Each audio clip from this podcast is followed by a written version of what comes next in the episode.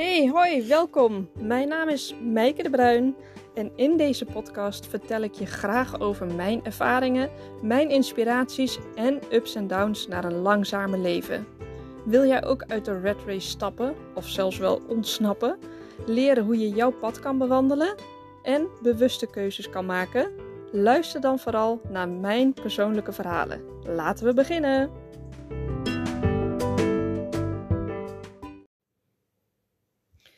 Wat fijn dat je weer luistert. Ehm, ondertussen zit ik nog steeds uh, uh, in Italië. Zijn we nog steeds lekker op vakantie met z'n allen. En uh, ik wil je even meenemen wat we de afgelopen dagen hebben meegemaakt. En dat hak ik even in twee, twee delen, want we hebben twee dagen Rome gehad. En na Rome kwam er ook nog een hele mooie ontdekkingsreis. Maar laat ik beginnen met, met Rome. Want ehm, we zijn dus gevlogen op Pescara. En vanuit Pescara aan de overkant van uh, Rome zijn we, hebben we een autootje gehuurd. Zodat we vanuit daar makkelijk ook een trip naar Rome konden maken. Dat is ongeveer twee uur en een kwartier rijden over de tolweg. En door de bergen doe je er twee keer zo lang over. Dus uh, wij hebben voor de tolweg gekozen. Omdat, nou ja, Jolien houdt niet zo heel erg van rijden. En vier, vier en een half uur rijden naar Rome vonden we ook wel erg lang. Dan zijn we ook wel heel veel tijd van onze dag kwijt. En we wilden gewoon heel graag naar Rome. En uh, in Rome zelf hebben we gekozen voor een uh, huisje, een chalet op een camping. Ja, want we houden natuurlijk van, uh, van campings. Op een camping voel ik me altijd heel snel thuis. En um, deze camping ligt in de binnenring ook nog van Rome.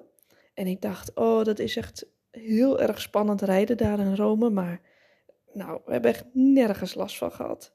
Het was zo makkelijk en rustig rijden. Het was op een feestdag, bevrijdingsdag hier in Italië. Dus ik denk, nou, er zullen wel heel veel files zijn, maar we hebben er nul gehad. Dus uh, de, de reis er naartoe ging echt supergoed. En het rijden door Italië is net als rijden door Spanje Portugal. Weet je, die snelwegen zijn altijd zo lekker rustig zo anders dan in Nederland, waar het altijd druk is. Maar um, eenmaal aangekomen op de camping, het was een prima huisje. Heel erg klein. Um, maar ja, onze camper is nog kleiner. Maar uh, je had niet eens een bank of zo om op te zitten. Je had alleen uh, een uh, kleine tafel met, met vijf stoeltjes eraan. Maar weet je, het, het was gewoon prima. Want je bent toch het meeste van de meeste tijd ben je gewoon in de stad. En de camping zelf, uh, ja, dat is echt zo'n chaletpark, weet je wel, van die rijen met chalets. Um, ik hou daar zelf niet zo heel erg van. Maar voor nu was het prima, maar ik zou daar niet mijn zomervakantie willen besteden.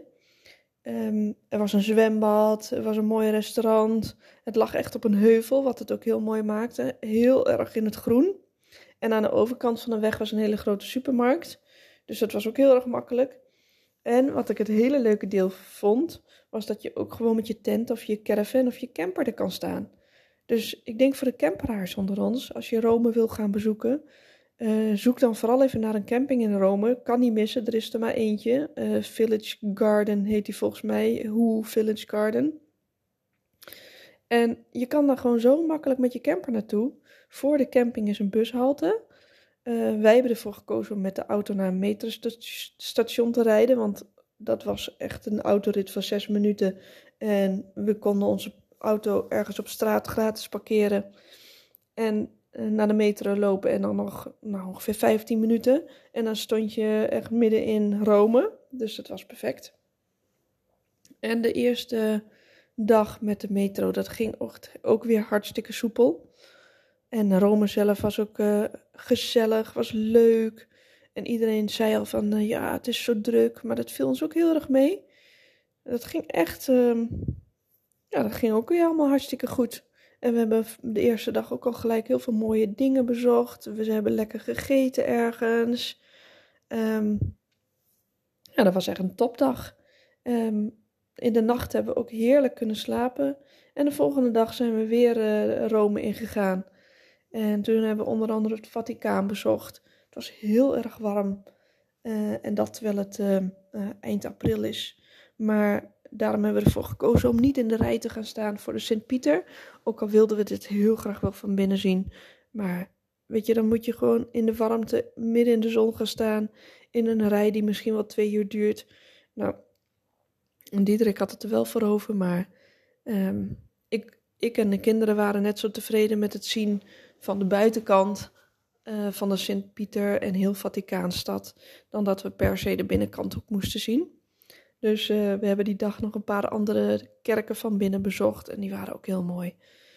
En in totaal zijn er volgens mij um, echt een paar honderd kerken in Rome. Dus um, op elke hoek kan je wel een kerk vinden en ze zijn allemaal hartstikke mooi. Maar de Sint-Pieter is natuurlijk wel uh, de top van de top. Maar goed, dat hebben we dus niet gedaan. En uiteindelijk uh, zijn we moe weer richting onze camping gegaan. En toen kwamen we op het metrostation. En het was echt loei en loei druk. Um, toen we voor de metro stonden, en ik dacht, nou, alleen al de mensen die hier staan, die zorgen ervoor dat deze metro echt volledig vol komt. Dus ik had Elske, die pak ik altijd bij de hand en die wil ik echt bij me houden. Maar toen we de metro ingingen, nou, dat was echt zo eng. We werden gewoon door de hele menigte. En er stond ook één hele grote, dikke man achter ons. En die duwde zo hard in ons erin, of iedereen erin, dat je kon niet eens lopen. Je werd gewoon massaal geduwd. En ik had Elske vast, maar die ging gewoon helemaal op in die menigte. Het was zo eng, dus ik was echt aan het schreeuwen van Elske, Elske. Maar ik moest uiteindelijk haar hand wel loslaten, want anders ja, werden we gewoon uit. In, ja, we, dan dan werden, werden, werden we gewoon onze armen eruit gerukt, want zo hard ging het gewoon. En Diederik was voorgegaan. En dat wist ik dus niet, want ik riep haar en ik hoorde haar wel. En Jolien stond achter mij en uh, Janne stond uh, er ook ergens nog tussen, tussen mij en Diederik. Maar ik zag dat die zich ook wel redde. En Jolien die was ook alleen maar in mijn oren aan het schreeuwen dat er zo, zo hard tegen haar gedrukt werd en dat het zo naar was. Maar mijn grootste zorg was gewoon Elske, want die komt niet boven die menigte uit. En toen schreeuwde Diederik uh, plotseling, ik heb er, ik heb er, het is oké. Want um, die was heel slim geweest. Midden in de metro staat zo'n grote paal waar je aan vast kan houden. Hij heeft haar kunnen grijpen en heeft haar achter die paal kunnen zetten, zodat ze niet meer verdrukt kon worden. Dan was ze veilig achter die paal en hij stond achter haar. Dus zij stond tussen de paal en hem in. Maar de mensen, uh, waren ook een paar mensen om ons heen die ook zaten te kijken van, oh gaat het wel goed met het kleine meisje? waren ook wel hele lieve mensen die zich echt zorgen maakten en die echt wel probeerden ruimte te maken. Maar weet je, zo'n massa is dan zoveel sterker en uh, dat heeft me wel heel erg beangstigd. En dan kun, je wel zeggen van ja, uh, dat gebeurt gewoon, tuurlijk, dat gebeurt. En daar kan ik ook echt wel overheen stappen. Maar ik kon wel merken dat ik er ook in de nacht heel erg mee bezig was geweest met de drukte van de stad. En dat ik zo onrustig heb geslapen om al de indrukken van, van zo'n stad en van die metro te, te verwerken. Um, dat ik uh, ja, zoiets had van: ik wil, ik, ik wil niet nog een dag die stad in. En Janne en Jolien hadden precies hetzelfde. En Elske ook, want je loopt natuurlijk ook ontzettend veel op zo'n dag.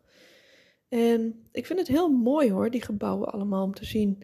Maar ik, ik ben echt met mijn neus op de feiten gedrukt dat ik gewoon er niet zo goed tegen kan. Dat ik niet zo'n mens ben die stad naar stad wil bezoeken en dagen in zo'n stad wil rondhangen. Ik vind eerlijk gezegd één dag al genoeg. Maar ja, dan zegt mijn ego, wat nou één dag in Rome? Je moet toch minimaal uh, drie of vier dagen kunnen vullen in Rome? Ja, dat is wel zo. Dat kan ook wel, theoretisch. Maar mijn lijf en mijn brein, die kunnen dat niet aan. Dat is het verschil. Ik, ik kan natuurlijk wel het ene gebouw, mooie gebouw, naar het andere mooie gebouw gaan zien. En ik kan het leuk maken door een, um, een fietstrip uh, um, te gaan organiseren. Um, er is natuurlijk van alles te organiseren in zo'n mooie stad. Maar ik kan en ik wil het gewoon niet. En ik hoef het ook niet. Ik hoef niet per se al die dingen gezien te hebben.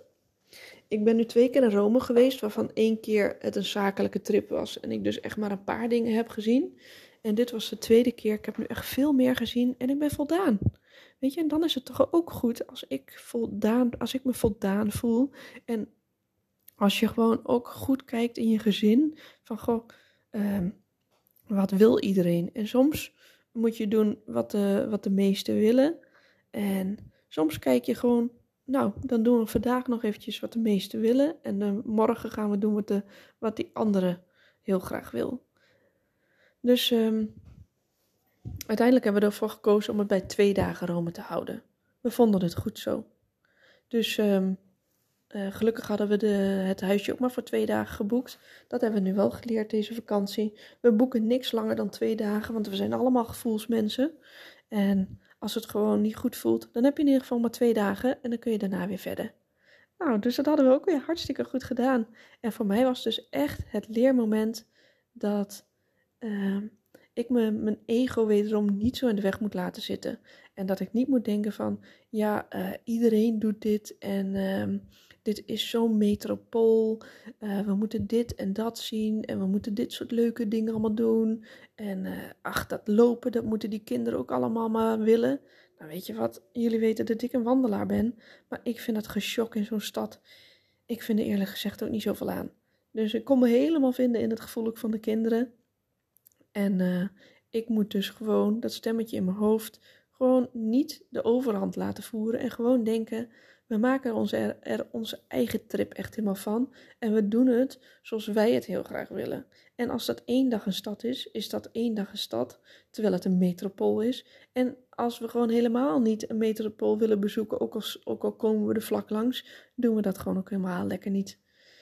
Dus, um, nou, dat was toch echt wel een groot leermoment. Dus um, voor jou misschien ook een stukje inspiratie en uh, mijn leermoment te harte nemen. Dat je ook vooral niet moet doen wat iedereen doet. En vooral niet dat stemmetje in je hoofd de baas moet laten zijn. Dat je je vakantie op een bepaalde manier moet indelen. Doe het gewoon helemaal zoals het voor jou lekker is. Het is jouw geld, het is jouw tijd, uh, het is jouw geluk. Dus uh, geef dat allemaal aan. spendeer dat allemaal zoals jij dat helemaal wil. En wat iemand anders ervan vindt, dat, ja, dat is dan zijn probleem. En weet je wat, ik weet zeker dat niemand hier wat van vindt. Want um, ja, ik denk dat we dit gewoon kunnen omarmen en kunnen zien als een hele mooie trip naar Rome.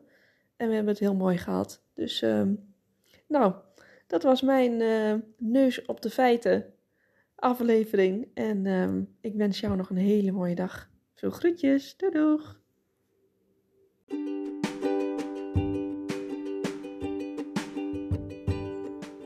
Dit was alweer het einde van de podcast. Dank dat je geluisterd hebt. Vond je het leuk? Spread the news zou ik zeggen. En ik hoop tot snel. Doei doei!